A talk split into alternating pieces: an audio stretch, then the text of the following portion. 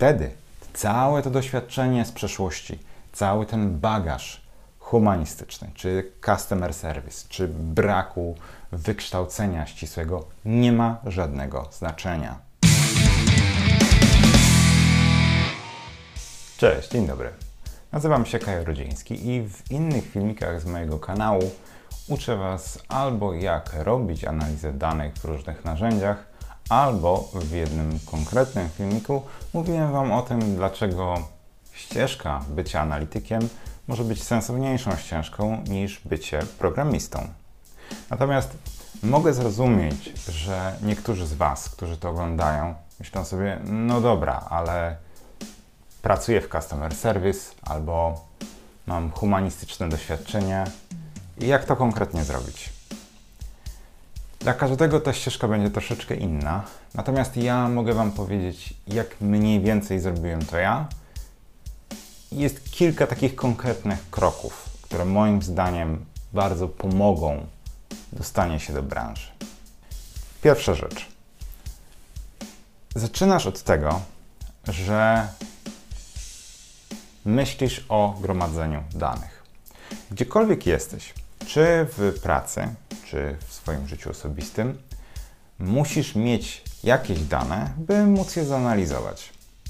I są jakby dwa proste case'y, żeby to osiągnąć. Pierwszy jest taki, że w pracy robisz co tylko możesz, by zajmować się jakimś trackerem, by mieć pod sobą jakąś tabelę. Nieważne, czy to są numery telefonów, które wykonałeś, maile, jakie wychodzą, sprawy od klientów, oferty HR-owe, jakimi się zajmujesz, nieważne. Musisz mieć jakąś tabelę i tworzysz sobie w wolnych chwilach czasu, a takie 5-10 minut na pewno się znajdzie, tworzysz sobie jakieś analizy i robisz to w Excelu. I starasz się codziennie nauczyć się czegoś nowego. Kiedy już trochę wiesz, zaczynasz podsyłać to swojemu szefowi. Zaczynasz podsyłać to jako swoje insighty, jako coś, co zauważyłeś. Szukasz jakichś trendów, jakichś wskazówek, czegoś, co się powtarza, albo czegoś, co jest bez sensu, a co widać właśnie w danych. To jest pierwsza rzecz. Drugi case jest taki, że powtarzasz to w swoim życiu prywatnym. I tutaj znowu dwa użyteczne case'y. Pierwszy jest taki, że tworzysz sobie coś w rodzaju trackera sportowego, czyli tworzysz sobie w Excelu tabelkę, w którym spisujesz pompeczki, przysiady, bieganie, jeśli to lubisz robić, i to ma być tak proste jak czołg. W czołgu nie ma żadnych zbędnych rzeczy. Dlatego Twoja tabela musi być jak czołg. Najlepsze kursy poświęcone analizie danych i darmowy newsletter znajdziesz na mojej stronie kajodata.com. Tam nie ma być prawa żadnej zbędnej kolumny, żadnych ozdób. Chodzi o to, żeby jak najszybciej zacząć gromadzić dane. Więc tracker eksportowy, a druga rzecz to jest budżet. Czyli konstruujesz sobie pliczek w Excelu, w którym będziesz spisywał, spisywała swoje wydatki i dochody i robiła bilans. Przy okazji, gdzieś obok starasz się uczyć Excela. Nie wiem, na moim kanale, na innym kanale, na Udemy, nieważne. Uczysz się Excela i dzięki temu wykorzystujesz te dane, które sam generujesz bądź sam zbierasz do tworzenia analiz pierwszym przypadku w pracy podsyłasz to szefowi, w drugim przypadku autentycznie zastanawiasz się, co możesz z tymi danymi zrobić, co ci te dane mówią. Druga rzecz. Mówisz o tym światu. Jakkolwiek brutalnie to zabrzmi, e, jeżeli świat nie dowie się o tym, że gdzieś tam po boku zajmujesz się analizą danych, no to nigdzie to nie wyjdzie. E, I jakby nie mówię o tym, że trzeba to robić w jakiś bardzo strategiczny sposób. Nie, chodzi mi o to, że coś publikujesz na LinkedInie, e, zakładasz sobie może nawet e, konto na GitHubie, jeżeli już na przykład umiesz robić makra i tam rzucasz swoje makra. Jeżeli zacząłeś się już bawić SQL-em, tym lepiej. Też zakładasz sobie konto na GitHubie. Jeśli nie, robisz screenshoty, 5-6 screenshotów, na przykład ze swojej tabelki z trackerka sportowego, pakujesz w jeden PDF i PDF wrzucasz do LinkedIna. Generalnie komunikujesz innym to, że lubisz się zajmować analizą danych, nawet jeżeli jeszcze jesteś na początku. Ta komunikacja jest o tyle ważna, że samego siebie w jakimś sensie przekonasz, że to jest coś, co robisz. Dobra, czyli mamy dwie, dwie te rzeczy. Trzecia rzecz jest taka, że w obrębie swojej pracy obecnej, która nie jest pracą analityczną, próbujesz wywalczyć sobie część, jakieś miejsce, gdzie rzeczywiście to, co zacząłeś robić wcześniej, czyli zbieranie tych danych, analizowanie ich, zaczyna zajmować coraz ważniejsze miejsce w, w, w, twoim, w Twoim dniu pracy. Jeżeli już doszedłeś do tego momentu, że e, zbierasz sobie dane, analizujesz je, coś tam udało Ci się wywalczyć w pracy, że, że gdzieś, gdzieś jakoś, chociaż w minimalnym stopniu, ta analiza danych zajmuje część Twojej pracy. Tak jak mówię, to może być bardzo mała rzecz, możesz to robić w Excelu. E, I świat już troszeczkę usłyszał, nawet jeżeli nikt Ci tego nie polekował, nieważne. Mówisz o tym, że zajmujesz się analizą danych, że Cię to interesuje, pora aplikować.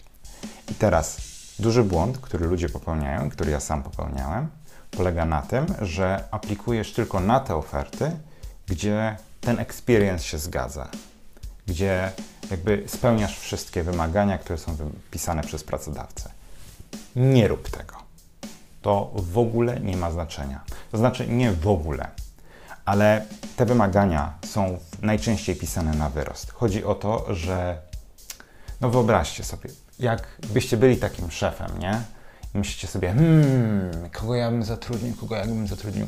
No ja bym zatrudnił świetnego pracownika, ja bym zatrudnił takiego pracownika, który ma 10 lat doświadczenia, wymiata w pięciu narzędziach, generalnie Excel, Python, SQL, mm, w ogóle jest najmilszym człowiekiem świata. Wiecie o co chodzi, nie? W ten sposób są pisane mm, oferty pracy. Nikt nie napisze w ofercie pracy, możesz tak średnio ogarniać, resztę cię nauczymy. Natomiast najczęściej taka jest rzeczywistość. To wystarcza. Dlatego aplikujesz na oferty pracy, które są powyżej Twojego poziomu umiejętności. Nie bardzo, ale trochę. I nie zastanawiasz się, kiedy będzie perfekcyjny punkt. Po prostu aplikujesz. Po prostu aplikujesz i godzisz się z tym, że będziesz odrzucany. Za którymś razem przejdziesz krok dalej. To znaczy, na przykład, będziesz już mógł pogadać nie tylko z rekruterem, ale z menadżerem, a być może dojdziesz do etapu rozmowy, rozmowy technicznej. Ostatnia rzecz. E, mówię ostatnia, bo może się to wydać paradoksalne, ale najważniejsze moim zdaniem nie jest to, czy osiągniecie tytuł, nie wiem, data scientist, czy osiągniecie pensję na poziomie 10 koła na rękę, albo nawet 8 czy 6, whatever. To nie jest ważne. Najważniejsze, najważniejsze jest to, żeby się dostać do branży. Reszta jest absolutnie nieważna. I teraz, żeby się dostać do branży, musicie pójść na kompromis. I żeby pójść na kompromis, wygląda to tak. Idziecie do, na rozmowę o pracę, jest już ta rozmowa, gadacie z menadżerem i nie robicie tego, co ja robiłem na początku. Czyli mówicie, no nie, nie, nie, ja robiłem, ja robiłem takie kursy, ja robiłem takie kursy, na tym się znam, na tym się znam, na tym się znam, na tym się znam. Tak naprawdę jestem y, pełnoprawnym analitykiem. W zasadzie jestem data scientistem. Moje kursy zrobione na Udemy o tym świadczą. Nie, nie podchodzicie do tego w ten sposób. Podchodzicie do tego uczciwie. Najlepsze materiały o analizie danych znajdziesz na mojej stronie kajodata.com. To znaczy, przychodzicie na rozmowę, nawet jeżeli obecnie one odbywają się wirtualnie, stawiacie się na rozmowie, mówicie co umiecie, natomiast podkreślacie przy każdym zdaniu, podkreślacie, że Wam zależy na doświadczeniu, że zależy Wam na wejściu w pełnoprawny świat analityki, mimo iż już zajmujecie się tym w obecnej pracy, i to też dodajecie, że jest ten obszar analizy danych, który, z którego korzystacie w swojej obecnej pracy, rozwiązujecie problemy analityczne, ale chcecie, żeby to, co robicie teraz w 20%, 30% stało się waszymi 100%, było waszym 100% i Na tym budujecie swoją rozmowę. Nie pytacie o benefity, nie pytacie o pensję. Jak przychodzi do pensji, to mówicie poniżej wartości rynkowej. To znaczy, jeżeli na przykład, teraz będę strzelał, jeżeli e, powiedzmy, wydaje Wam się, że taki analityk powinien zarabiać 5 na rękę, a powiedzmy w swojej obecnej pracy zarabiacie, nie wiem, 3,5, to mówicie 3600 albo 3800. Mówicie 3800 dlatego, że em, jakkolwiek brutalnie to zabrzmi, w idealnym scenariuszu będziecie w stanie zrobić coś takiego. Idziecie do pracy, w której zarabiacie 3800, ale to już jest praca analityczna. Pracujecie tam rok albo półtorej. Uczycie się na tyle, że już ogarniacie nie tylko Excel, ale SQL i w ogóle analityka staje się waszą codzienną pracą i wtedy startujecie do kolejnej pracy, być może w innym miejscu. Tak było w moim przypadku. Już jako pełnoprawny analityk. Wtedy całe to doświadczenie z przeszłości, cały ten bagaż humanistyczny, czy customer service, czy braku wykształcenia ścisłego nie ma żadnego znaczenia. Żadnego. Najważniejsze jest to, że już dostaliście się do branży, pracujecie jako analityk i w tym momencie rozmawiamy już jako równy z równym, rozmawiamy o tym, co umiecie, jakie skille posiadacie, jakie programy opanowaliście, w jakim stopniu wkładacie Excelem, SQL-em, Pythonem, Tableau, klikiem, SAP-em, cokolwiek. Ale to już jest rozmowa równy z równym. I chcemy doprowadzić do sytuacji, w, których, w którym jesteście na tym poziomie. Ale zanim będziecie na tym poziomie, musicie krok, cofnąć krok wstecz i pomyśleć troszeczkę bardziej strategicznie o rozwoju waszej kariery. Najlepsze kursy poświęcone analizie danych i darmowy newsletter znajdziesz na mojej stronie kajodata.com.